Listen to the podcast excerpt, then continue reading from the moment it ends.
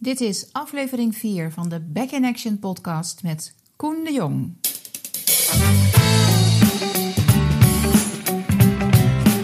Hoi en welkom bij weer een nieuwe podcastaflevering van Back in Action. De aflevering 4 is met Koen de Jong. En Koen de Jong heb ik geïnterviewd omdat hij interessante dingen doet met zijn bedrijf Sportrusten interessante dingen die ook voor de luisteraar, de kijker van deze podcast um, zeer waardevol zijn. Niet alleen maar kunnen zijn, maar ik weet zeker dat het waardevol voor jou is. Um, Koen de Jong heeft een aantal boeken geschreven over koude training. Uh, gaan, gaat uh, sporten rusten. Um, tien dagen stil, dus de Vipassana, de stilte meditatie. Ademhaling, een belangrijk onderwerp in in de podcast die je zo gaat beluisteren. Uh, voeding en het 14 kilometer schema voor hardlopers, voor duurlopers om een marathon te kunnen lopen. Er zijn een aantal extremen die um, ja, belicht als het ware. Want ja, koude training, ga maar eens uh, vijf minuten lang in een ijskoud bad zitten. Of uh, ga maar eens tien dagen stil zijn. Dus waar komen die extremen vandaan? Um, we hebben een interessant gesprek gehad. Ik ben Rita Vase en met mijn studio Mind Your Body in Harderwijk en met deze podcast Back in Action hoop ik mensen in beweging te brengen voor, um, om stappen te zetten naar een fit leven met zin en zingeving. En soms is het dus nodig om in beweging te komen, maar um, wat we in deze podcast ook willen belichten is ook dat het terugzakken, vaart minderen en eens even time-out ja, creëren, zo'n stilte hoeft niet per se die tien dagen te zijn, maar de kracht van stilte en dus te luisteren en in dat ongemak te gaan zitten.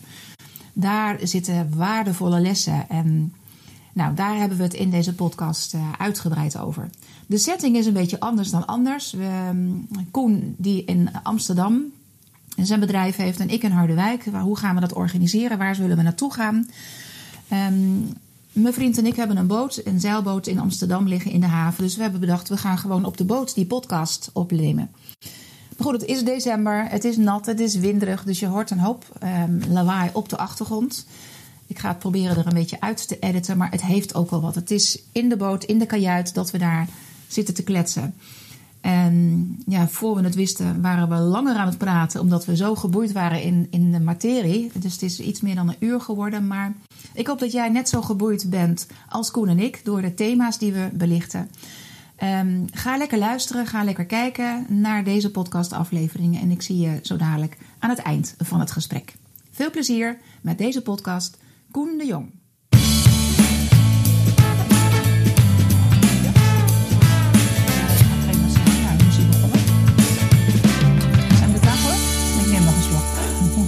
Klaar van. Hm. Oké, okay, Koen, daar zitten we dan. Ja. Een hele bijzondere entourage. We zitten op de boot. Het is nu droog. Het kan zijn dat we wat uh, herrie gaan krijgen. Wind en regen. Um, maar welkom. Dankjewel. Ja, leuk dat je hebt toegezegd. Ja, ja leuk om te zijn. We hebben zojuist al even gekeken hoe lang is het geleden. Um, het eerste boek wat ik ooit van jou las van Koen de Jong en Bram Bakker. Oh god, dat is een heel ander kopje wat erop staat, zie ik ineens. Ja, dat is heel lang geleden hoor. ja, uh, dat, dat, is over, uh, dat was getiteld Verademing. Dat is nog steeds een van jullie uh, speerpunten. Ja. Maar er is een hoop gebeurd sindsdien. Ja. Um, inmiddels is het niet meer alleen dat boek, maar is het gebundeld, vertelde je zojuist. En zijn de, de oefeningen daarin ook veranderd. Waar pakken we de draad op? beginnen we bij nu? En gaan we terug. Wat voelt het meest comfortabel? Ja, ja laten we bij nu beginnen. Bij nu. Ja, want er zijn dus wat dingen veranderd in het boek. Ja. Um, dus verademing, misschien moeten we even vertellen aan de, de kijker en luisteraars. Het, het is een boek over. Ja, de, de, theorie over ademhaling wordt belicht. Dat, misschien moeten we even vertellen waar is dat uit voortgekomen? Hoe ben je er ooit toe gekomen om iets te schrijven ja. over ademhaling? Ja, het is, het is begonnen bij mij voor mezelf in het jaar 2000. Ja. Bijna 20 jaar geleden. Toen ik als wielrenner terecht kwam bij Stans van der Poel. Ja. En Stans van der Poel leerde mij, die zegt, joh, als jij profielrenner wil worden, dan ja. is het belangrijk om veel te trainen. Maar minstens zo belangrijk is dat de kwaliteit van je herstel goed ja. is. Want je wordt niet beter tijdens training. Je wordt beter tijdens het herstel daarna. Ja. Dus zij leerde mij ademhalingsoefeningen met een hartslagmeter om dat herstel te bevorderen. En Ja. dan zag je gewoon in maat en getal en grafiek met adempatronen en hartslag en hartslagvariabiliteit wat er gebeurde als je een ademhalingsoefening deed. Ja. Dus ik had als sporter gewoon ging met die ademhalingsoefeningen aan de gang. En op een gegeven moment merkte ik dat ik die oefeningen al lang niet meer alleen deed na een training om het herstel te bevorderen, Mhm. maar dat ik die oefeningen ook deed als ik s'avonds in bed lag te piekeren en ik kon niet Ja. in slaap vallen. Dat ik die oefeningen ook ging doen Ja. als ik last had van een bepaalde mate van stress, wat ik niet wilde. En nou ja, gegeven je dat zelf ontdekt, dat je het dan ook kan gebruiken? Of is dat, had, je dat, had je daarover gelezen, dat ademhaling dat effect Nou, nee, toen nog niet. Ik bestand van de Poel zei dat wel ook. Maar toen, Ja. nou, ik was zelf 20 jaar en verder gezond en, en sportief. Dus ik hield daar niet zo rekening mee. Maar ik merkte door die oefeningen echt dagelijks te doen na een training. Dat ik Mhm. als vanzelf eigenlijk die oefeningen ook ging doen Ja. op die andere momenten. En ja, op een gegeven moment eh, geprobeerd profwielrenner te worden. Dat was niet gelukt. En toen had ik daarna het geluk dat ik voor Stans van de Poel kon werken. Mhm. En ja, dat was een heel interessante tijd. Want eh, zij testen niet alleen sporters. Ja. Maar zij testen ook mensen met chronische vermoeidheid, met ME, met fibromyalgie, met burn-out. Dus echt het hele spectrum kwam daar langs Ja. van fanatieke sporters. Die zich Dat gaan voorbereiden waren op de eh, Als je Spelen. het hebt over spectrum, zitten daar grote verschillen in. Ja, enorm. En wat het Ja. gekke was, of wat, wat mij verraste, was dat er wel gewoon een gemene deler was. Tussen de Mhm. Olympische sporten die zich aan het voorbereiden was op de Spelen. En mensen met een burn-out die over Ja. het randje gekukeld waren. Want eigenlijk zonder uitzondering Ja. eh, hadden mensen baat bij die ademhalingsoefening. Ja. En je kon dat inzichtelijk maken met die apparatuur.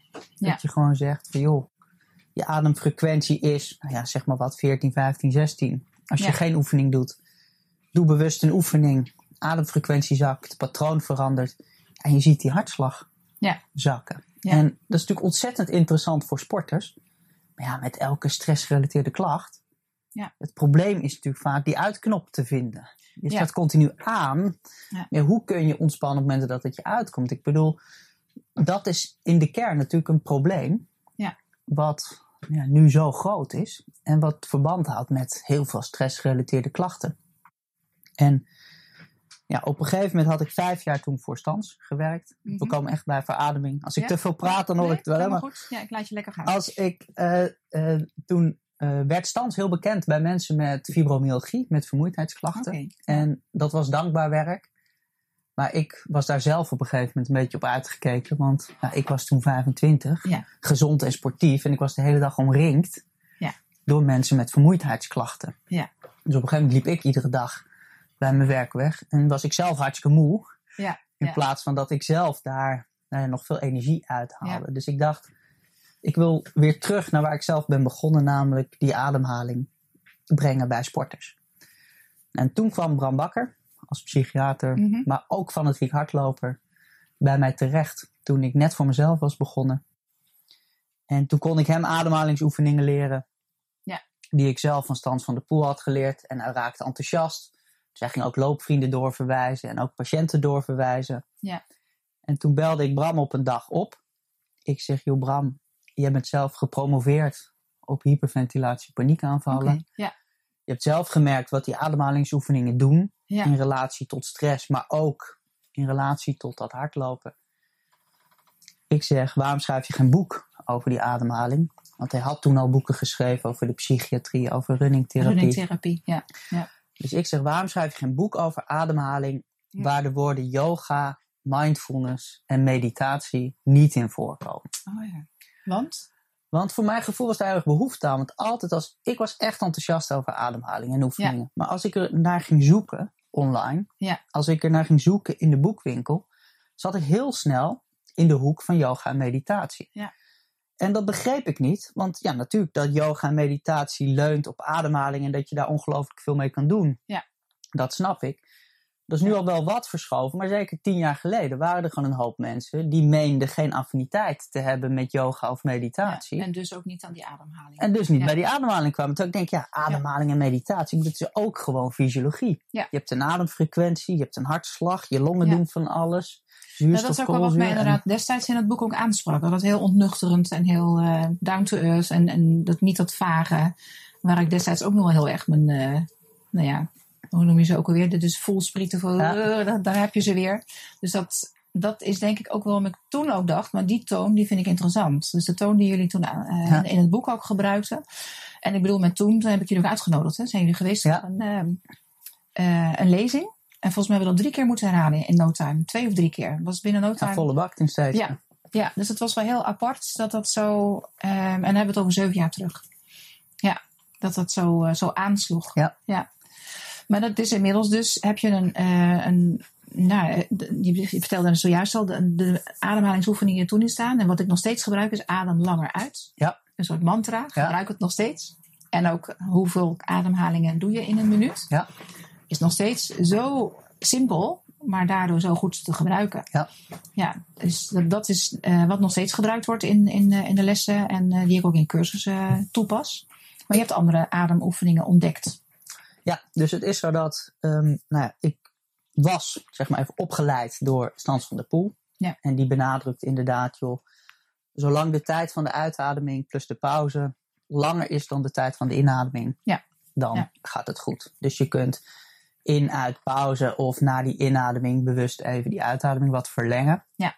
En dan zit je goed. En nou, die oefeningen die werken, die, die hebben veel effect. Zullen we die even doen? Want er zijn natuurlijk ook mensen die dit horen, Ja. die dat niet weten, die niet snappen wat waar we het over hebben. Ja. Dus we ademen in. Ja. Geen pauze dan? Of Nee. wel? Uit. Uit. En dan wel een pauze. Bijvoorbeeld in vier tellen in. Ja. In, in, in, in. En dan uit, uit, uit, uit. En wachten. En dan weer in, in. Dus dat is de ademoefening. Die de mensen leren. Maar vier tellen is misschien niet helemaal aan de orde. Maar puur, je ademt langer uit Ja, dus je hoeft niet te tellen en die verhouding kan veranderen. Dat is- zolang ja. die tijd van die uitademing plus die pauze maar langer Ja. is dan de tijd van de inademing. Ja. En mensen die het hier benauwd van krijgen, die kunnen na die inademing gewoon bewust die uitademing wat verlengen. Ja. En dan na die uitademing alweer inademen. Dus in Ja. plaats van dan die pauze na die uitademing, gewoon bewust die uitademing wat Wat verlengen. langer te maken. En Ja. daar zit die pauze eigenlijk al in dan. Ja. ja.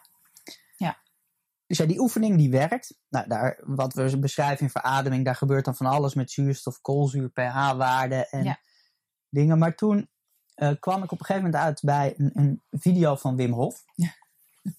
Wim Hof, bekend als de Iceman, die ook heel veel doet met ademhaling. Ja. En toen ik voor het eerst een filmpje zag van hem, toen dacht ik, of die man is gek Ja. en die klets maar wat. Ja. En die oefening van hem klopt niet. Of wat wij schrijven over ademhaling Ja. klopt niet. Want het was echt het tegenovergestelde. Ja, ja. Wij zeggen, me ook. rustig ademen, verlengen. Niet te diep in, verleng die Ja. uitademing een beetje, pauzeer. Nou ja, dan zag ik een filmpje van Wim Hof. Die zegt, joh, en snel en diep in. En Ja. Nou, diep Zo laten gaan. En, en, Ja. en die snelheid erbij. Ja. Dat ik dacht, ja, dat kan niet goed zijn. Maar ja, op internet zie je dan filmpjes van hem. En je ziet allemaal mensen die zijn laaiend enthousiast over die oefening van Wim Hof. En wat Wim. Hof doet met die combinatie met die ademhalingsoefening en die kou.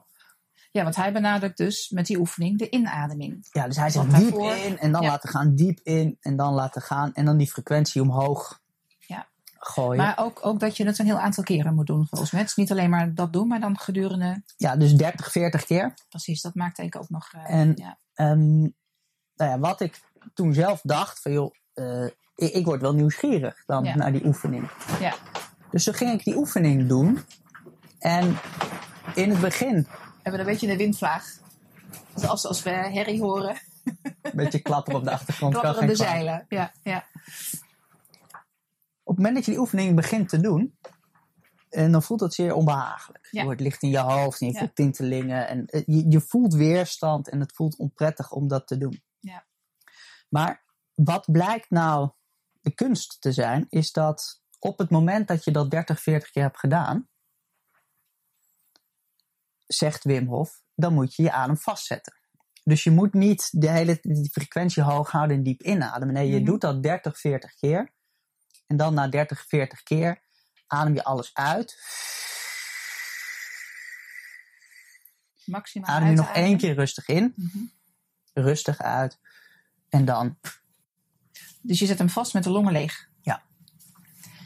En op het moment dat je dan die adem vastzet, ja, dan gebeurt de magic. Oké. En dan zie je ook, als je gaat meten met hartslagvariabiliteit en met koolzuur in je bloed, dat op die pauze zo'n diepe ontspanning komt en dat dat zo goed is voor je lijf, Ja. dat dat grappig genoeg precies hetzelfde effect heeft Ja. als die rustige oefeningen van stans. Alleen kom je er op een hele andere manier. Ja, de route is anders. Je ja. creëert een enorme chaos in je lijf. En na die chaos pak je bewust die hele diepe ontspanning.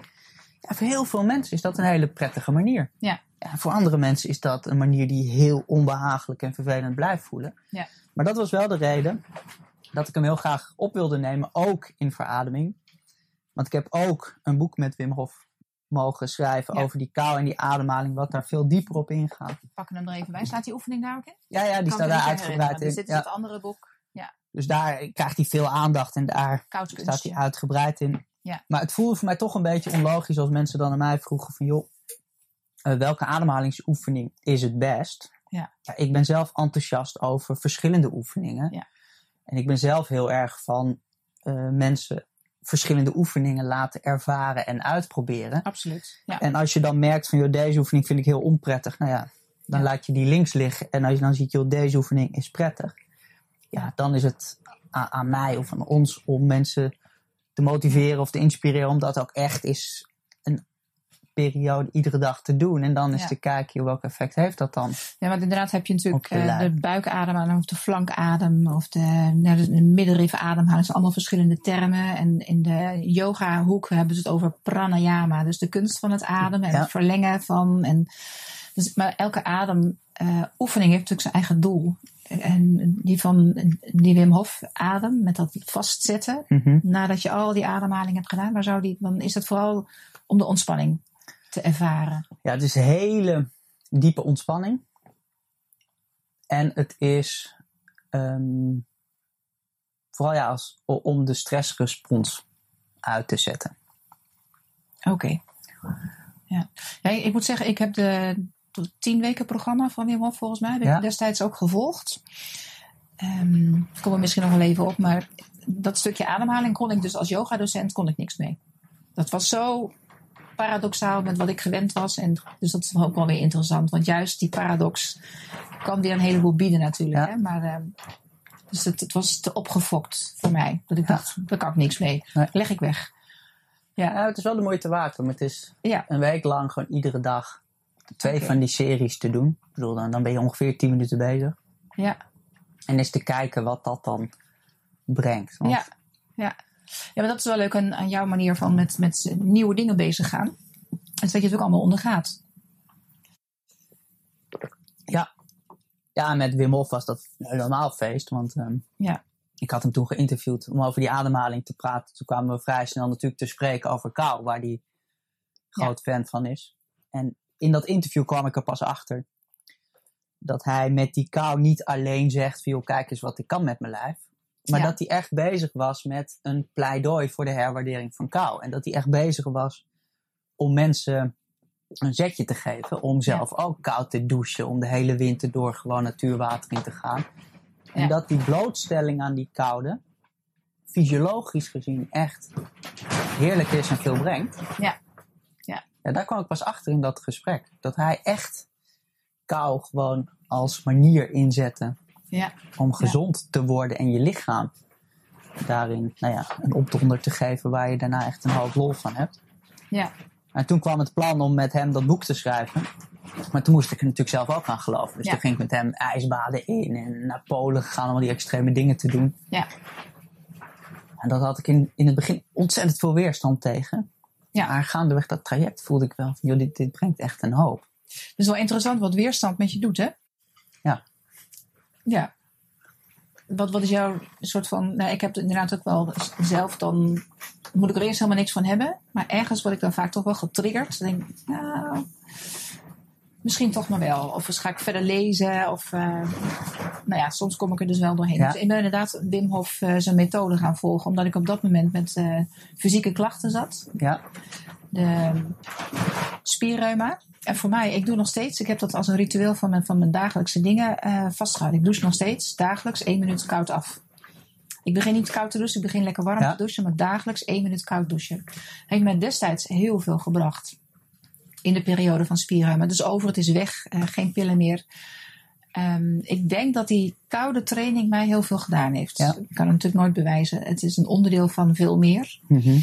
Ehm, maar wat, de- jullie hebben dat boek geschreven met, want eigenlijk is het- is dus een beetje een extreme vorm van eh, ja, koude training. Je kan natuurlijk ook inderdaad gewoon koud douchen, maar dan moet dan in een ijsbad en je moet in je korte broek de, de berg op. En wat brengt dat meer dan bijvoorbeeld een dagelijkse minuutje koud douchen?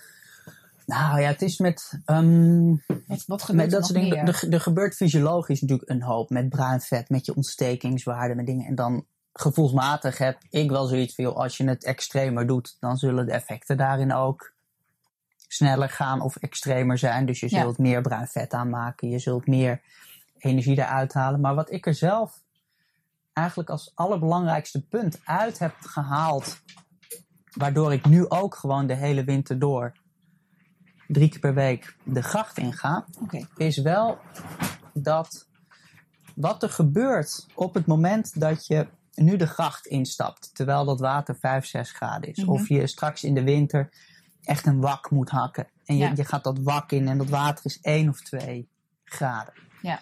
Bedoel, wat er natuurlijk gebeurt, is dat lichaam schiet compleet in de stressrespons. Dus je gaat die kou in en Ja. in het begin is het altijd ja.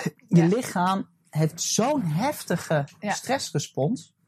Wat heel logisch is. Ja. Want je zit echt in een levensbedreigende Ja. situatie. Ik bedoel, Ja. zo koud. Moet je niet Ja, als je daar een half uur in blijft zitten, dan dat is echt levensbedreigend. En Ja.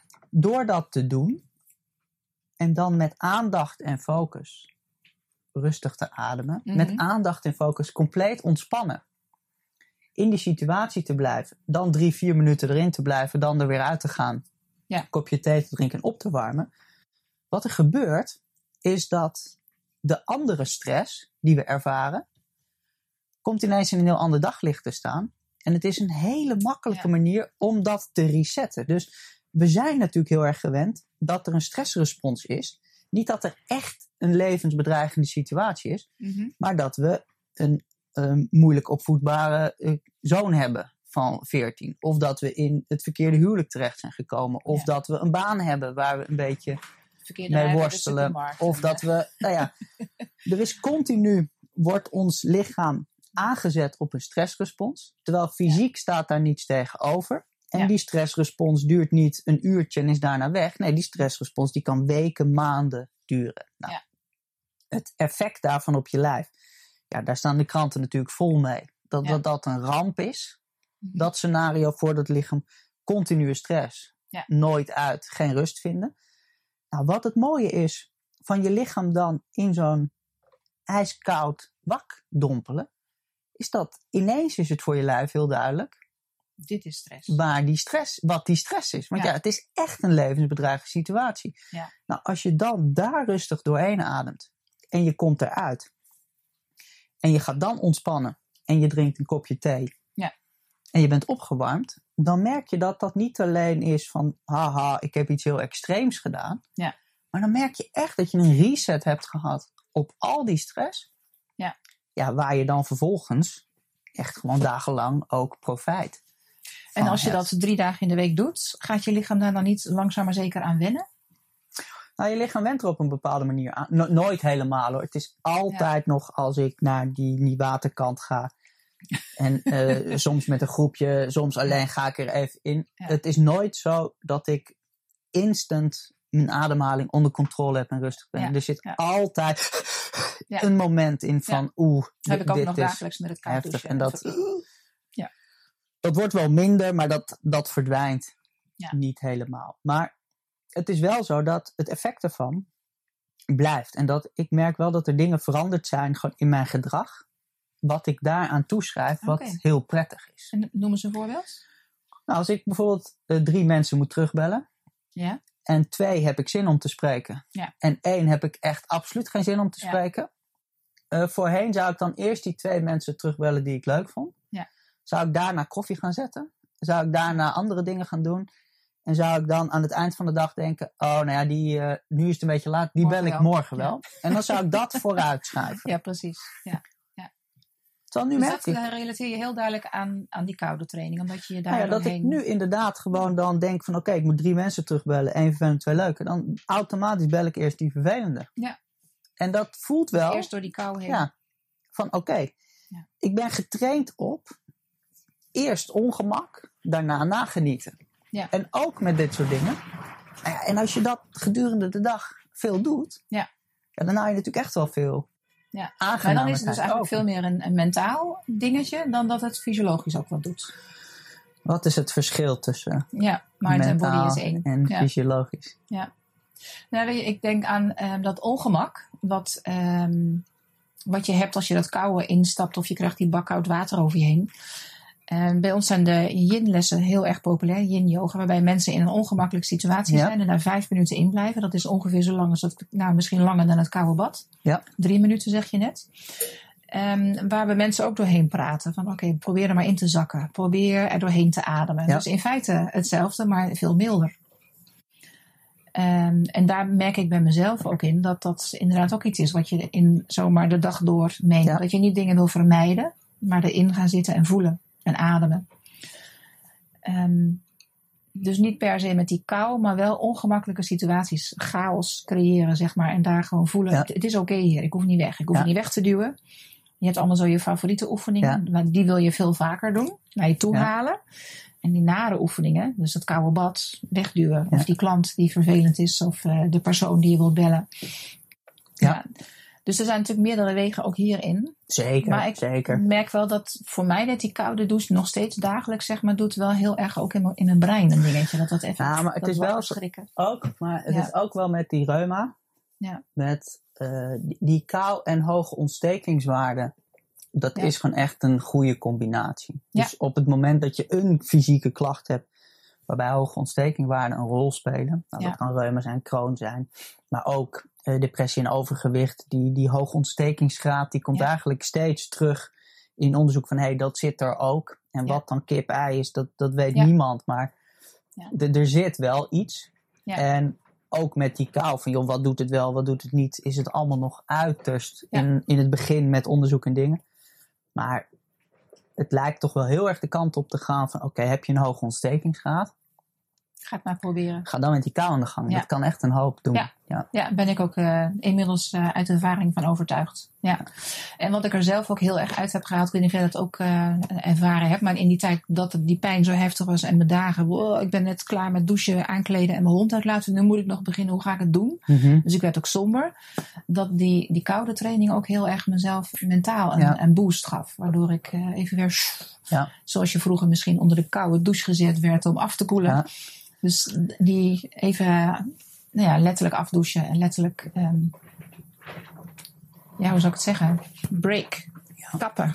Ja. Ja, dus dat, dat had ook wel heel erg zo Ja. zijn effect. Dat effect had het. Ja. Maar dus heftige, eh, een ander heftig ding waar jij eh, in bent beland.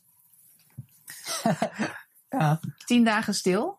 Niet gewoon even vijf minuten stil, maar tien dagen. Ik Ja. heb erover gelezen, daar ben je redelijk naïef ingestapt. Nogal, ja. dat ga ik maar gewoon doen. Ik heb het boek niet gelezen nog, maar de andere twee boeken dan wel. Maar ik, heb er wel wat dingetjes over gelezen en gehoord van jou, hoe je dat eh, in bent gedoken. Ehm, zou je dat mensen aanraden om dat op die manier gewoon... eh, oh, ik ga eens lekker tien dagen naar zo'n eh, retreat. Zeker. En, ja? Zeker. Ik bedoel, als, ja, Ja. Ik bedoel, als, als je denkt van joh, tien dagen in stilte mediteren, elf uur per dag mediteren en verder niets anders. Ja. Als je denkt, joh, dat wil ik absoluut niet. Ja, dan natuurlijk niet. En als er iets in jou meteen denkt, oh ja, maar dan ben ik eigenlijk wel nieuwsgierig.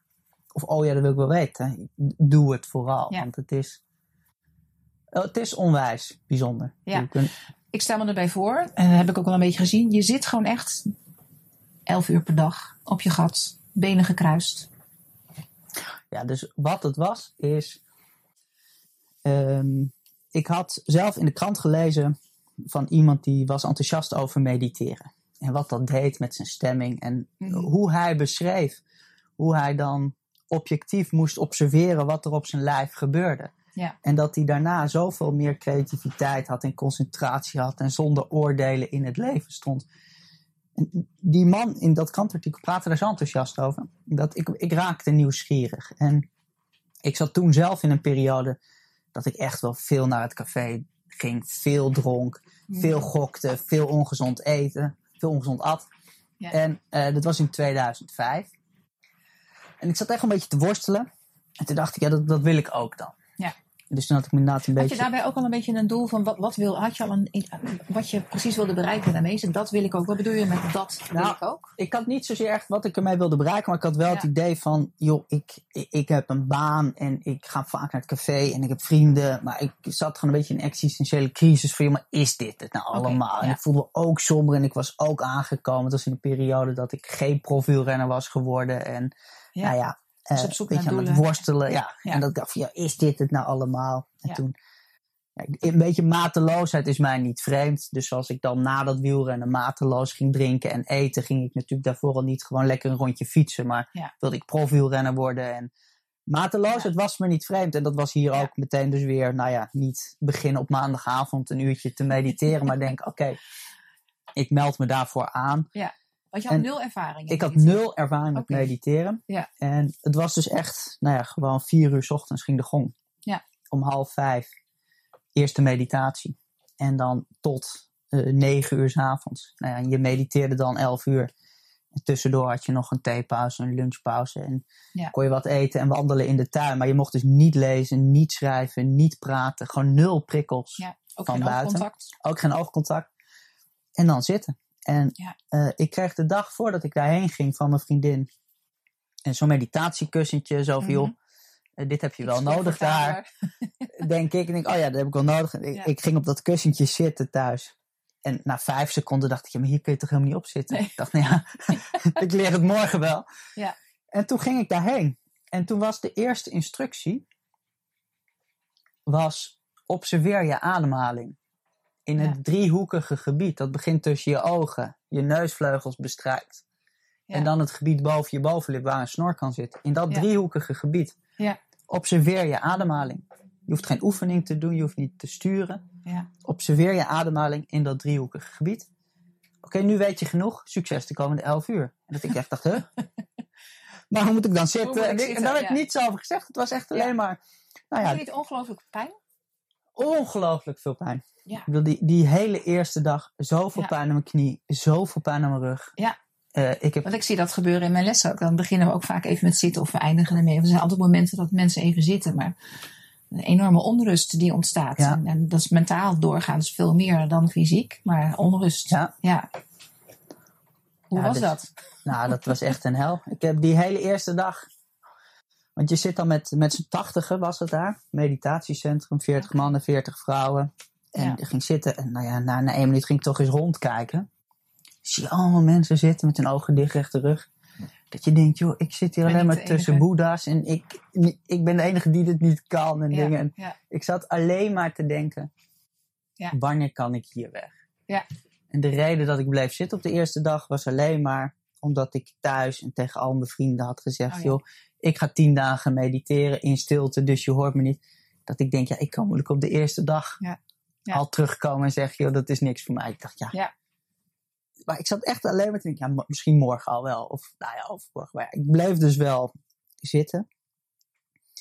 En wat ik heel snel echt heel intrigerend vond, was dat al die gedachten die opkomen, dat ik me af ging vragen, waar komt dat eigenlijk vandaan? Mhm.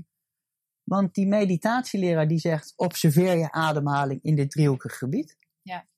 Ik denk, oké, dat ga ik doen. Ik wil echt mijn best doen. Ja. Ik neem me dat voor. Maar dat het geen halve minuut lukt, Geen, binnen één adem ben je al weg, hè, met je Dat aandacht. gewoon die- Ja. dat die gedachtenstroom houdt niet op. Ja. En dat het niet zo was dat ik op een gegeven moment het besluit nam van, oké, ik heb nu wel even lang genoeg die meditatie gedaan. Ja. Ik ga nu daaraan denken. Nee, er was niet zo'n besluit. Nee. Het, het bleef gewoon maar komen en ik Ja. had er helemaal niets over te zeggen. En dat ik toen wel dacht, ja, als je mij had gevraagd vooraf, wie bepaalt wat jij denkt? Zou ik zeggen, ja, dat bepaal ik toch zelf wel. Ja, dus niet. Maar daar dacht ik wel vrij snel, dat, dat is helemaal niet waar. Ja. wie dan wel? Ja. Of wat dan wel? Wat, Ja. wat is dat? Ja. Nou ja, en eh, ik bleef zitten. En in, in tien dagen stil beschrijf ik iedere dag mijn eigen worsteling. En dan iedere dag de lezing van de meditatieleraar. Wat hij erover zegt. En Ja. dan een wetenschappelijk onderzoek van universiteit, vooral in Amerika, die dan laten zien wat er in die hersenen allemaal gebeurt. Als je gaat mediteren. En Is dat van Thich Nhat, hoe heet je ook alweer? Thich Nhat Han? Die- Ik kan nooit ineens zijn naam, het is een moeilijke naam. Han, nee, nee. ik herken altijd is- zijn naam als ik hem zie staan, maar kan hem nu niet eh, Ja. produceren. Nee, ik weet, jij bedoelt, die veel doet ook met mindfulness. Ja. En die, Ja. eh, nee, het is, het is meer ook veel onderzocht, ja. een onderzoek gedaan. Ja, het, leunt daar wel erg tegen. Maar dat het is meer de mindfulness kant, dat is Ja. niet zozeer de stilte. Nou ja, en die, eigenlijk deze Vipassana meditatie, zoals dat heet. Want Mhm. de eerste drie dagen observeer je je ademhaling. Met als enig doel om dat brein wat te temmen en geconcentreerd te krijgen. En vanaf dag vier ga je in gedachten je lijf langs. Ja, En dan ga je dat je De body op scan? de body scan doen. Ja. En dat, is, dat komt natuurlijk vanuit.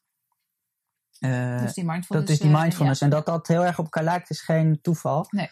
Want die John Kabat-Zinn, John Kabat-Zinn, nou ja, dat is die, Oh ja, dat is hem. Ja, ja. die heeft hier ook gewoon dezezelfde meditatiecursus gedaan. En die dacht ook van, joh, we moeten dit anders noemen, anders doen Amerikanen niet mee. Maar het schuurt dus heel erg daartegen aan. En het is voor een groot deel wel wat Ja. je doet, dat je dan in gedachten je lijf langs gaat en dan Ja.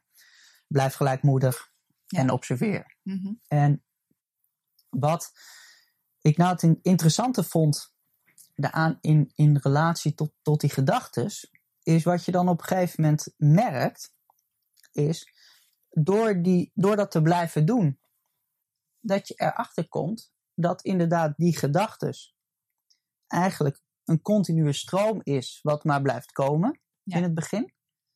Maar vooral ook dat jij die gedachtes niet bent. Nou, en dan wordt het wel interessant, want op het moment dat jij je gedachtes niet bent, Mhm. dan is dat natuurlijk wel een krachtig inzicht. Want hoe vaak gebeurt het niet dat Ja. jij allemaal gedachtes hebt die somber zijn, die negatief zijn, die ellendig niks zijn. voor en die anderen zijn beter. Allemaal dat soort... En je identificeert je met die gedachtes. Precies. Ja. En ja. het is, als je een kriebel hebt aan je rechterhand, Mhm. dan denk je niet, ik ben die kriebel aan mijn rechterhand. Nee, dan denk je, ik heb kriebel. Ja. En daar kun je afstand van nemen. Maar die gedachtes, Zijn en... ehm wat is het ook alweer? Ik ben... Oh, nee, ik kom er helemaal niet op. Ik kom er zo nog op. Het verschil tussen... Oké, ga maar door. maar dat, dat die gedachtes Ja. echt niets anders is Ja. dan die kriebel aan je hand. Dat het gewoon, ja, het is een fysieke gewaarwording. Ja. En dat, dat, je, dat er ook nog een deel is die gewoon kan kiezen Ja. om er mee identificeren of niet. Ja, dat is natuurlijk echt wel een hele interessante kost. Ja. En Want op welk, mo- welk moment, je zegt, die- na drie dagen kregen we een andere oefening. En op een gegeven moment kon je dus dat, dat onderscheid maken. Wa- Waar zat je dan ongeveer? In, in- aan welke dag? op dag zes Oké, kwam dat jemig. bij mij binnen. Ja, Dus dat was zes dagen lang. daarna bleef dat ook, maar was zes dagen lang vooral heel veel pijn aan mijn knieën en mijn rug. ja, En ook Ja. afvragen van, joh, wat doe ik hier? ja. Maar toch blijft zitten toch ook wel intuïtief. Dat ik denk, ja, het is ook wel. Ergens voel je dus voortdurend, het is ook wel weer goed voor me, dus ik moet volhouden. Het is Ja. ook echt volhouden. Ja. Ja, afzien. Nogal afzien, ja. Maar denk je dat je voordeel had doordat je ook even die topsport in bent geweest? Dat je voor mentaal die voorsprong hebt van ik kan afzien, dit kan ik? Ehm, ja, ik weet daar niet wat, wat eerst komt. Of ik inderdaad, ja, of ik, of ik nu baat had bij dat topsport. Of dat ik dus dat topsport ook wel op die manier kon. Omdat dat een eigenschap is die Ja. ik dan, dan heb. Maar Ja. dat, ik er wel, dat ik wel in staat ben om zeer fysiek ongemak te aanschouwen en daar doorheen te gaan. En ik herkende die ervaring wel van dat wielrennen ook. Dat als je helemaal stuk zit. Ja. En je zit in een kopgroep in een Spaanse etappekoers. En je kan niet meer. Ja. Maar je zit daar. Dat een deel van je lijf denkt alleen maar, ik, ik wil stoppen. Ik wil dit niet meer.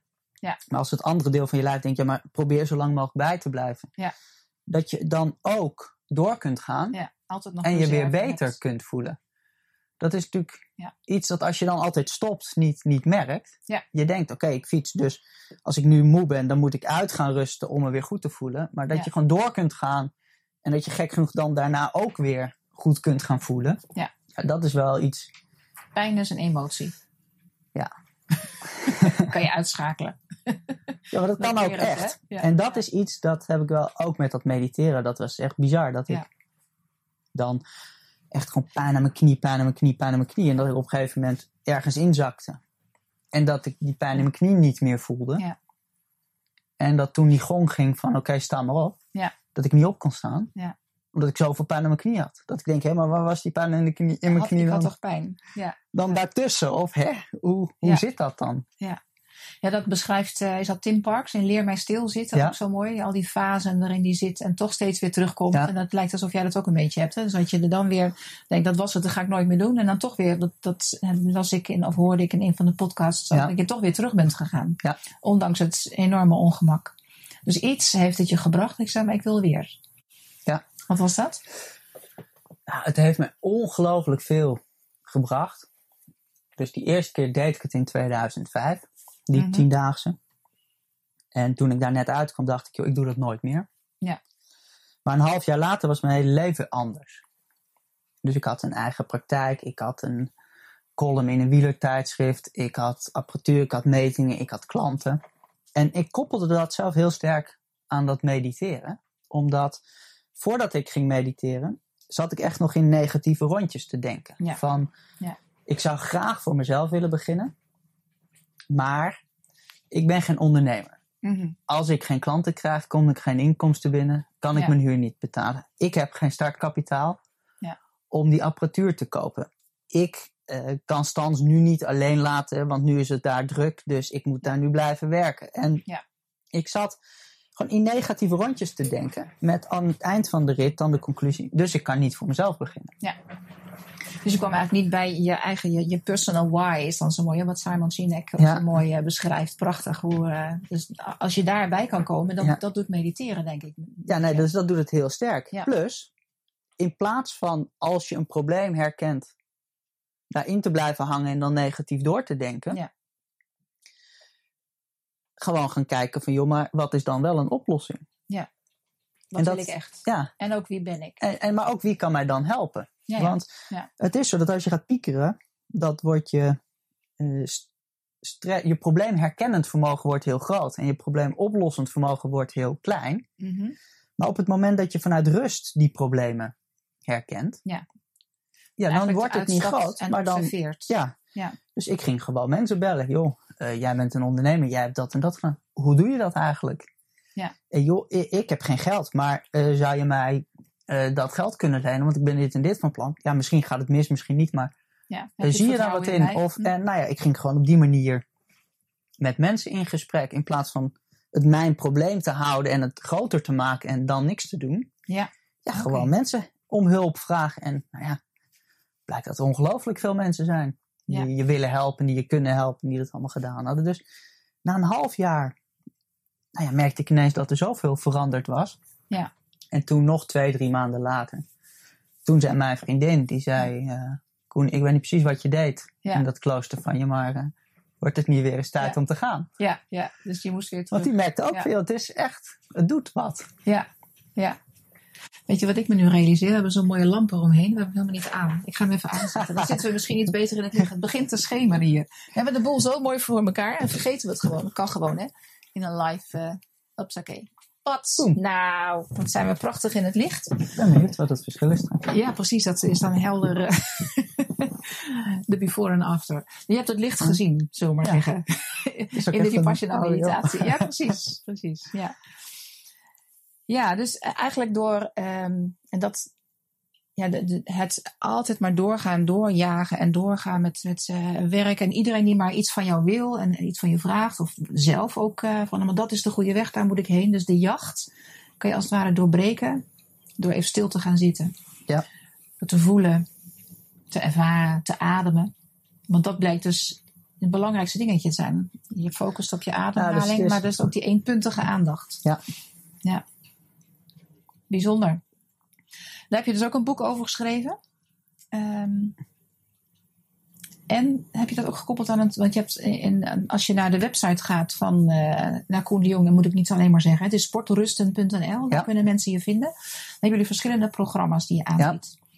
En dit heb je ook in een programma gestopt. Dat mensen met jou. Die... Ja, ja, dus wat. ehm, ik heb die van alle ademhalingsoefeningen waar ik zelf heel enthousiast over ben. Ja. Die hebben we in één programma gestopt, Tem je brein.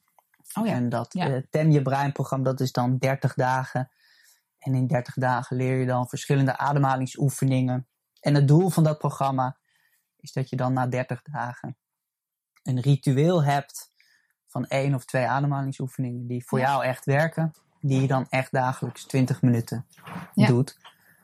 Dagelijks 20 minuten. Dat Ja. is eigenlijk wat je maar hoeft te doen. En dan. dan? Nou ja, het is. ehm, voor iedereen is het effect natuurlijk Ja. anders als je dat op een gegeven moment gaat doen. Maar Ja. wat ik zelf merk is, ik begin de dag met 20 minuten die oefeningen te doen. Mhm. En ik merk het vooral als het er een keer bij inschiet, wat het me ook alweer brengt. Ja. Want dan, wat er gebeurt als ik die oefeningen 's ochtends niet doe. En ik word 's ochtends wakker gelijk met mijn zoon. En eh, we maken een ontbijt en hij gaat naar school en ik ga naar mijn eerste afspraak. En dan heb ik de hele dag het gevoel dat ik achter de feiten aanloop. Ja, ja. Ik ben de hele dag, als ik in de ene afspraak zit, met gedachten ook al bezig met, oh, hoe laat moet ik dan daar zijn en waar moet ik daarna heen en oh, hoe laat Ja. moet ik dit? Dan ben ik de hele dag, heb ik het gevoel dat ik geleefd word en dat ik van het een in het ander hobbel. Terwijl als ik precies dezelfde agenda heb en ik begin de dag Ja.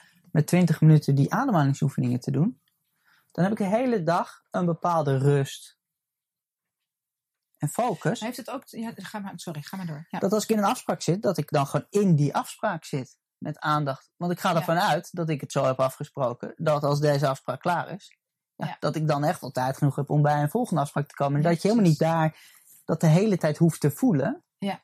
Maar dat je dus veel meer gewoon met aandacht. Dus je, je, dagplanning als het ware, ehm, of je focus. Dit is, ben je daar nou ook mee bezig als je dan zit die ademoefeningen aan het. Waar, waar ben je met je aandacht dan als je je ademoefeningen doet? Ja, dus waar je bent, is je bent met aandacht dus heel erg bij, bij die ademhaling. Ja. Dus wat er vanzelf gebeurt, is dat je, je brein, in plaats van dat je aandacht hebt voor je gedachten, ben je met aandacht bij ademhaling en dat observeren. Ja. En dat is wel de gemene deler van alle ademhalingsoefeningen, maar ook van het hardlopen, ook van het ijsbaden, ook van die andere dingen waar ik enthousiast over ben, is de gemene deler is wel dat het manieren zijn om voorbij het denken te komen en dat lijf echt te voelen. En als je mij dat tien jaar geleden had gezegd, dan had ik gedacht van joh, maar waarom zou je dat willen of dat, dat klinkt vaag. Mhm. Maar het is zo dat ja, je hebt behalve gedachten natuurlijk dat, dat lichaam met honderdduizend miljard cellen. Die Ja. van alles doen en samenwerken en super slim zijn. Ja. En als je de hele dag bezig bent met prikkels van buiten. En je bent de hele dag bezig met reageren op die prikkels van buiten. Ja. Ja, dan mis je echt wel een groot feest. Namelijk Ja. dat feest wat er in je eigen lijf gebeurt. Want dat Ja, is echt het spectaculair. weer een beetje. Terug naar niet al het andere, een soort van ruimte creëren tussen de ander en jou. Maar ook heel erg een systeem nodig hebben. Ehm, eh, zou je dat ook hebben als je bijvoorbeeld de dag niet zou beginnen met tandenpoetsen? Of eh, de dag niet zou beginnen met eh, douchen? Of, is dat op dat niveau? Nee, Snap je wat ik... ja, Nee, want dan heb ik, niet, dan heb ik niets met dat, met dat denken gedaan en die rust gedaan. oké. Ja, dus het heeft En dat is de effect. crux. Ja. Ja. Nou ook even voor, ik kan me zo voorstellen dat mensen dat, dat die gedachten schoten in mijn hoofd. Dus ik probeer ik een beetje te vertolken wat de, Ja. wat de luisteraars eh, van elke dag 20 minuten, eh, daar heb ik de tijd niet voor. Of, maar goed, als we weten wat, het, wat de meeropbrengst is, dan is dat misschien iets eh, het proberen waard. Dus als ik dat programma met jou ga doen, 10 dagen stil, 30 dagen lang. Niet, sorry, 10 dagen stil is het boek. Ja. En het programma heet Tem 30 je brein. Tem je brein. Ja. ja. Dus als ik daar 30 dagen met jou mee ga oefenen, wat krijg ik dan? Nou, dan krijg je iedere dag een video. Ja. Je wordt aangemoedigd dus om dan die oefeningen echt te doen. En je krijgt niet al die oefeningen op dag 1, maar je krijgt dan op dag 1 een oefening Ja. van doe dit. Je krijgt op dag 2 dan wat uitleg van joh, wat gebeurt er nou fysiologisch als je deze oefening doet. Je krijgt een video met joh, als je er gisteren geen zin in had. Ja. eh, hoe komt dat en wat kun je dan doen om daar doorheen te komen? Dus Ja. het is een combinatie van kennis van de fysiologie van hé, hey, wat gebeurt er? Met Ja, ja, proberen te inspireren en te motiveren om het echt, echt 30 dagen. Ja, dat mensen ook weten waarom ze iets moeten doen. Ja. Niet alleen maar gewoon doe dit, doe dat, maar mensen leren ook waarom Ja. zou dat gedaan moeten worden. Ja, want dat heb je, eh, volgens mij staan er drie trainingen bij jullie op de website, hè? Ja, 100 dus- dagen sportrusten, Ja. 5 kilo minder in 30 dagen. Nou, het programma heet 5 kilo kwijt. Ja. En het is 30 dagen. En dat is een beetje flauwe eh, marketing. eh gebazel natuurlijk. Van, je moet een naam hebben voor zo'n programma. Ja. Dat het wel duidelijk is wat het is en wat het je doet. En Ja. dat 5 kilo kwijt. Nou ja, op het moment dat je wat kilo's te veel hebt, die raak je wel kwijt. Ja. We pretenderen niet dat je die 5 kilo echt in die 30 dagen kwijtraakt. Maar het programma duurt 30 dagen. En daar leer je manier van eten, sporten, ademen. Ja. Dat als je dat patroon volhoudt, ja, dan kan het een maand duren, kan het twee maanden duren, kan het tweeënhalf maand duren. Ja. Maar dan val je dat Ja. overtollige gewicht af. Ik ben hem aan het volgen. Ik ben halverwege dat programma en ik vind dat het heel goed in elkaar zit. Het is heel mooi hoe, eh, hoe jullie inderdaad de, alles bij elkaar vegen. Dat ervaar ik daar. Dus dat het niet alleen maar gaat om voeding, maar ook om die ademhaling. En Ja. ook eh, niet alleen maar strikt, eh, dit is het eh, dieetboekje waar je een calorieën telt, Nee. maar meer. Want je hebt het daar bijvoorbeeld over het bruin vet. Daar is eh, eh, Wim Hof is daar ook mee bezig. En, en hoe je dan, en dat zit ook in jullie 100 dagen schemaatje volgens mij. Hè? Dat is dan iets van wat is nou precies de goede intensiteit waarop Ja. je moet gaan bewegen. Ehm er zat nog iets om op in te duiken. Ehm, het, het grote stilzitten willen we niet meer. Ehm, dus hoe krijgen we mensen in beweging? is ook voor mij een doel. Ja. Mensen helpen in beweging te komen, maar ook alweer helpen om af en toe die time-out te pakken. Omdat beide nodig is, denk ik. Ja. Mensen moeten in beweging komen. Ja. Maar hoeveel en hoe vaak en hoe vlug. Maar ook eh, die rust pakken. Even niet wegrennen voor dingen, maar ga er maar even in zitten. Ja. In het ongemak. Wat, wat pakken jullie daarin? ehm, nou, de gemene deler, denk ik. Maar in welke, wat, wat zijn de speerpunten, zeg maar? In Nou, wat de speerpunten zijn is dus met, want je hebt het nu dan over dat 100 dagen programma en dat is eh, echt gericht op eh, sporten, op hardlopen. Dat je inderdaad in 100 dagen traint naar een evenement van 5 kilometer, 10 kilometer, een halve marathon of een hele marathon. Waarbij je dan drie of vier keer in de week hardlopen combineert met iedere dag een ademhalingsoefening. En die ademhalingsoefening die zit er altijd bij Mooi. omdat dat Ja. gewoon de kwaliteit van je herstel zo beïnvloedt. En het is heel leerzaam.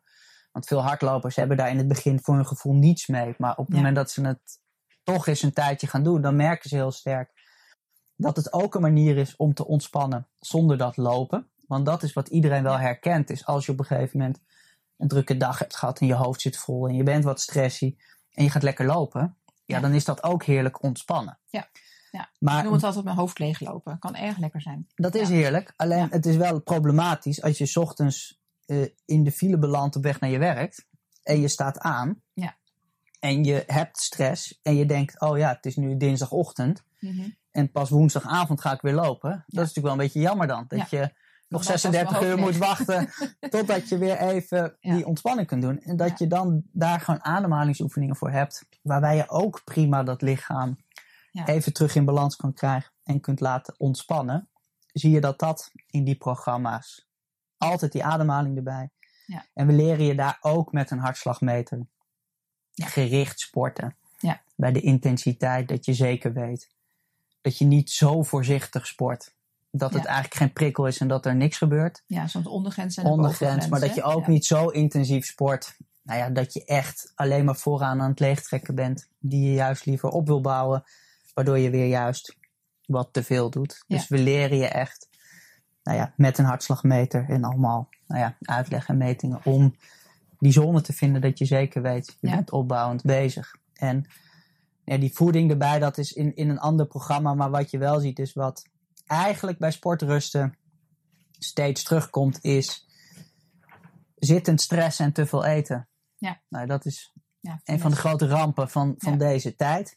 Ja. ja, op het moment dat zittend stress en te veel eten zorgt voor fysiek ongemak, slapeloosheid, somberte, ergernis, hoge bloeddruk, eh, diabetes type 2, overgewicht, burn-out. Nou, Noem de hele riedel maar op. Ja, als zittend stress en te veel eten Ja. de bron is van dat leed, dan is de oplossing natuurlijk eigenlijk niet zo ingewikkeld. Ja. En om dan mensen aan te moedigen om dat niet te zoeken alleen in medicatie of medicijnen of wat dan ook. Maar Ja. in ontspanning, bewegen en gezond eten. bewegen dan- als medicijn. Ook, Ja. Ja. Wat mij daar ook in opviel en ook in de aankondigingen is dat het, de, ik, ik kom nog uit het tijdperk. Ik heb ook lange duurloop gedaan, een paar marathons gedaan. Dat ik moest heel veel koolhydraten eten. Mhm. Dat werd heel erg geleerd in die tijd. Maar dat is helemaal oud. Ehm, dus heb ik, dan kom ik eraan met mijn scepticisme. hè. Dat is van, eh, hoezo geen koolhydraten? Dat heb ik altijd geleerd. Ik moet juist aardappelen en pasta en brood. En, Ja. Maar de, de inzichten zijn daar ook in veranderd. Dat is natuurlijk eh, ja, alleen al interessant om dat af en toe ja, toch wel weer met een open vizier te gaan Ja. bekijken. En dat vond ik wel eh, in, in dat programma terug. En dat heeft weer te maken met ook dat bruin vet. Nou nee, dat bruin vet, dat, dat schuurt echt alleen tegen kou en koude training aan. Ja. Dat minderen met koolhydraten, dat zit hem vooral in wit vet. Je hebt Ja. twee brandstoffen op je lijf, dat glycogeen en, en dat vet. Ja. En Welk kacheltje gebruik je? welk kacheltje gebruik je, ja. Ja. En door zitten te stressen en veel koolhydraten te eten, veel suiker te eten en vooral ook vaak te eten, Ja. dan zie je dat je lichaam aanleert om veel op die suikerverbranding te Ja. doen. En dat is zonde, want je hebt maar een uur, anderhalf uur van die suikers in je lijf. Ja. En die vetvoorraden, nou, ik bedoel, wij zijn allebei niet dik, Nee. maar we hebben allebei minstens We 10, hebben wel 15 wat, eh, kilo vet. voorraad. Ja. Ja, en dat 10 kilo vet, ja, dat is goed voor 70.000 calorieën. Ja. Nou ja, daar kun je ja, gaat ook lopen. 20 marathons op lopen. Ja, dus... Dus- ook te denken aan al die buffetten die er dan waren. Bij de, de, de Rotterdam Marathon, eh, de avond daarvoor, pasta buffet of hardloopwedstrijden. Hebben, de mensen het al die tijd dan zo verkeerd gezien? Hoe, waar Nou, nee, ik dat denk vandaan? dat er, er is een groot eh, verschil wel. Kijk, ik, ik wil eh, me zeker niet branden aan, aan topsporters, topatleten. Ja, ja. Kijk, dan, dan komt het allemaal heel nauw. En Ja. op het moment dat als jij 100% van je kunnen zit en je kunt Ja. de Olympische limiet halen, Ja. ja, dan is het echt een complex spel waar ik geen verstand van heb, waar ik niks van weet. Daar zijn toptrainers voor. Dat, dat is een andere categorie. ja, maar het is goed dat we dat onderscheid maken hier ook even. Ja, En dat is wel wat veel gebeurt met veel schema's, met veel van dit soort voedingsadvies, met veel eh, in de beeldvorming. Dat op een gegeven moment die topatleten die doen dingen. En dan heb Ja. je gewone stervelingen. Ja. Die eigenlijk om een hele andere reden beginnen met hardlopen. Die gaan ineens wel allemaal van die tips van die toppers overnemen. Om dat te doen. Namelijk koolhydraten stapelen. Namelijk lange duurlopen doen. Namelijk veel, ik veel trainen en dingen. Ja. En waar wij echt op zitten is, wij richten ons op mensen die niet in de eerste plaats lopen, omdat die sportprestatie belangrijk is. Ja. Maar die in de eerste plaats lopen omdat ze zich daarbuiten dan fitter voelen, energieker voelen, een leukere vader zijn, een leukere moeder zijn, wat Ja. meer energie hebben, een prettiger werknemer zijn, wat kilo's afvallen, ja, noem het maar op. Ja. Ja, en dan is het ineens een ander verhaal. Ja. Dan hoef je niet met koolhydraten te stapelen. Dan hoef je helemaal niet zo lang te trainen. Dan is het, als je dan een manier vindt om op 95% van je kunnen te zitten, dan is dat een onwijs goede zone om in te leven. Want die sportprestatie aan zich zal dan goed zijn en je kan echt wel hard lopen als je dat wil. Ja. Maar je merkt ook dat je in dat sporten geen vermoeidheid opbouwt en ingewikkelde dingen hoeft te doen. Ja. En dat het voor jezelf makkelijker is. Dat het niet zo En dat je wordt. ook buiten dat sporten veel beter Ja. voelt. En daar is die voeding wel een, een, een makkelijke klap in.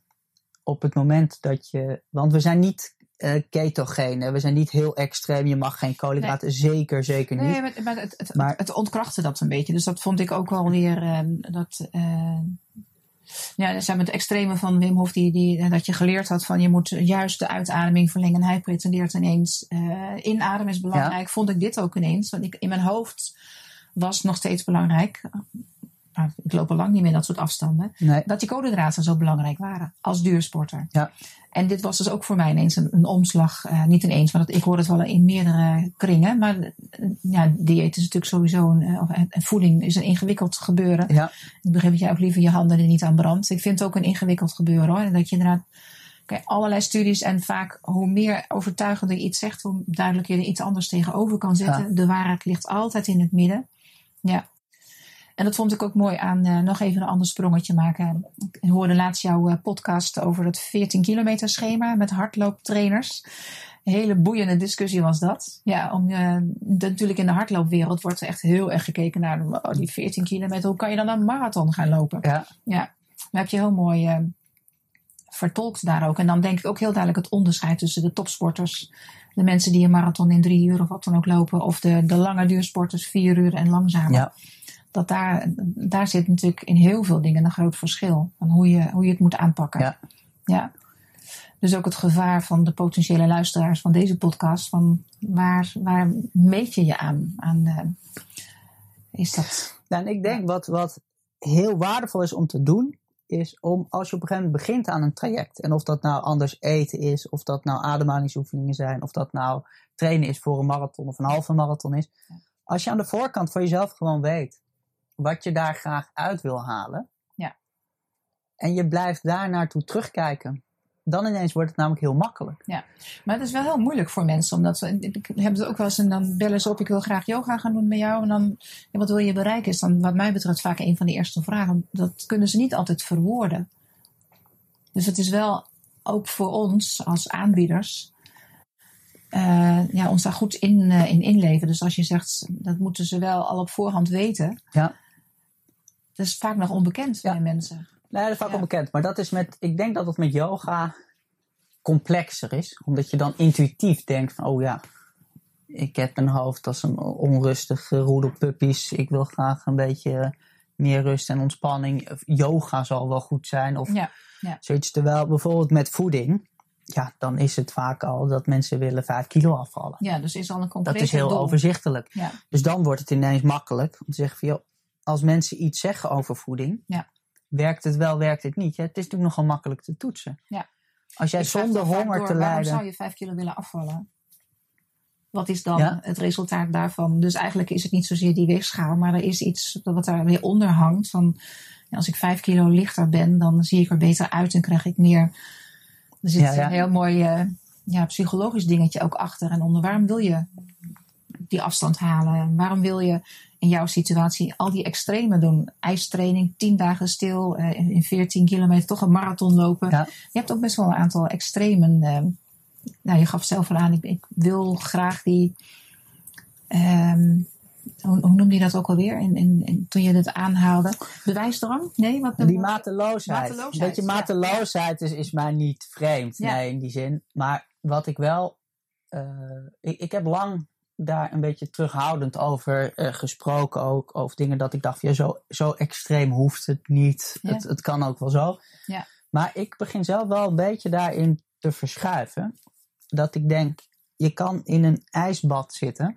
Extreem noemen. Je kan Mhm. tien dagen in stilte mediteren, kun je extreem noemen. Je Ja. kunt een marathon lopen en maximaal 40 kilometer trainen kun je extreem noemen. Maar ik denk wel dat wat de nieuwe norm is geworden, dat is eigenlijk veel extremer. Om acht uur per dag op een stoel te Ja. zitten achter een scherm, wel allemaal stress en prikkels toe te laten in dat lijf, daar fysiek niets mee doen, vervolgens in een comfortabele, warme ruimte naar huis rijden, vervolgens Ja. thuis op een comfortabele bank gaan zitten, Ja. voor eten, voor, eh, om op temperatuur te blijven.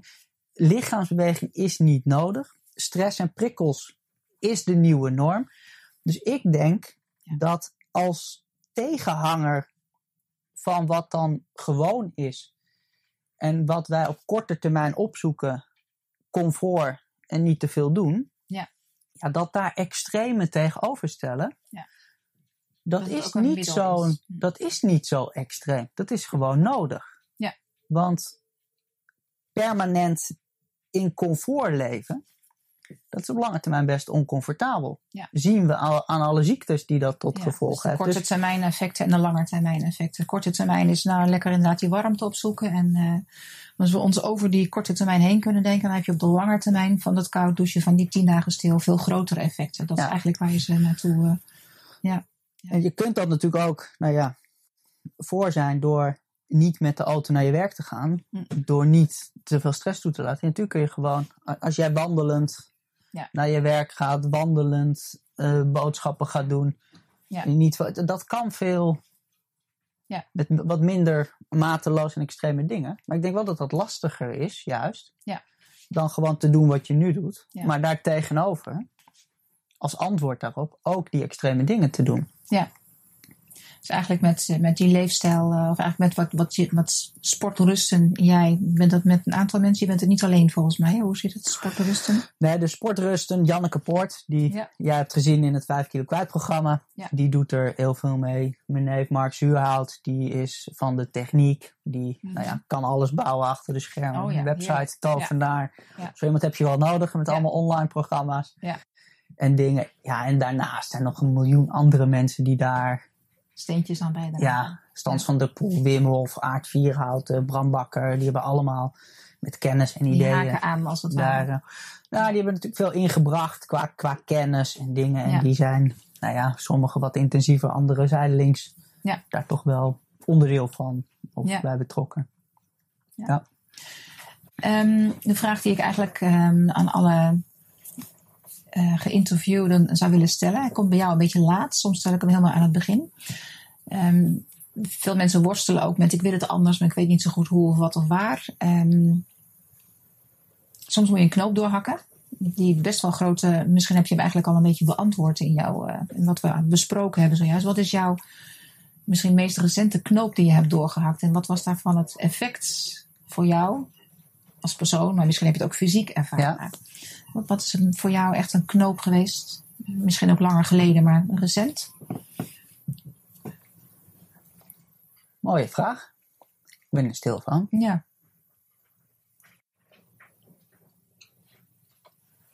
Ik vind dat lastig om echt zo'n punt te noemen van dat ik recent zo'n knoop heb doorgehad. Ja. Wat ik mezelf heel erg heb aangeleerd is om beslissingen te nemen heel sterk vanuit intuïtie, Onderbuikgevoel. onderbuikgevoel. Maar ja, dat, dat komen dan veel beslissingen uit die dan anders gaan. En wat je, nee, maar het is niet echt een knoop doorhakken dan. Het is Ja. meer iets wat, Ja. wat ik me heb aangeleerd. Ja. Waardoor ik nu ook het leven leid. Nou ja, eigenlijk heb je al een beetje aangegeven, die tien dagen ben je gewoon ingestapt. Maar dat, dat soort, Ja. dat heeft jou dus ook wel, eh, dus dat is een voorbeeld, maar dat is dat wel weer even geleden. langer geleden. Ja. In feite maak je eigenlijk dagelijks beslissingen. Maar die hebben niet altijd grote, grote gevolgen. Hoewel, soms ook weer wel. Ik bedoel, dat je stress ervaart doordat je besluit... eh, de- deze pond ga ik pakken. En die, eh, En die gaat dan bijvoorbeeld niet. Dan Ja. heb je al meteen een soort van respons. Maar goed, dat, ik, ik bedoelde inderdaad grotere, ingrijpende Ja. knopen. Ja, ja, Ja, dus wat ik heel sterk doe, is dat ik niet dingen doe op basis van eh, welk effect heeft dat of welk resultaat wil ik daarmee halen. Ja. Maar dat wat ik doe aan zich, is dat betekenisvol, of prettig of leuk om te doen. Ja. En dan, dan doe ik het. Hoe hou ik mezelf eh, op het pad waar ik naartoe wil? Ja. Waar jij eh, voelt van daar moet het heen. Ja. ja. En soms niet te beredeneren. Dat is bijna nooit te beredeneren. nee. Ja. ja, lastig is dat inderdaad. Ja. We gaan een beetje naar de afronding toe. Ehm, waar kunnen mensen je vinden als ze meer over je willen weten, lezen, Nou, op programma's doen? sportrusten.nl, Oké, daar eh, nou ja, vind je in ieder geval alle boeken, de online programma's.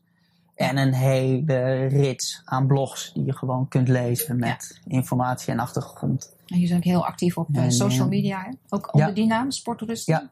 Ja. Dus het is overal sportrusten. Ja. En dan, eh, Mooi. Is er nog iets wat ik je niet gevraagd heb, waarvan je denkt, ah, had ik nog even over willen hebben, had ik nog in willen brengen in deze podcast? nee, Back in action. nee dat, ja, die, die ademhaling. En die stilte, die, die hebben mij zoveel gebracht. Dus ik ben blij dat we het daar eh, uitgebreid over gehad hebben. Maar Ja. het is dus zeker Ja, aan mooi. bod gekomen. Hebben we nog een weggever? Heb je daar nog, ik heb eh, twee boeken mee. Oké, Tien dagen stil Ja. en koud kunstje. En die mag je aan een luisteraar en weggeven. wat zullen we de, de mensen ervoor vragen? Gewoon alleen maar een e-mail eh, stuur in? Of hebben we nog iets, kunnen we nog iets aanplakken? Tien dagen stil, mediteren met oh, tussen haakjes tegenzin. Dat is wel eh, een belangrijke Dat was wel wat, wat het was. Ja, Ja. ja. En Wim Hof, Koud Kunstje. Wat kun je leren van de Iceman? Dat zijn de beide boeken. Dus gewoon ehm, onder de mensen die een reactie plaatsen onder deze podcast. Daar gaan we hem onder verloten. Ja. Zullen we het zo doen? Dus geef een review of geef een reactie. Dan weten we in ieder geval aan wie we dat kunnen uitdelen, afgeven. En ik neem aan dat jij het even gaat eh, signeren. Ja, dat wil ik zeker. gaan we zeker dan. doen. Zijn we klaar? Reuze bedankt voor, eh voor dit leuke gesprek. Ik hoop niet dat het lawaai hier op eh, de zeilboot waarop we nu zitten eh, te veel... Volgens mij valt het mee. Af en toe klapperde het even. Denk Het was wel. in ieder geval stil. Het regende eerst, maar eh, nou, dankjewel. We gaan hem afronden. Jullie ook bedankt. En eh, tot een volgende podcast. Ik ga hem zo nog verder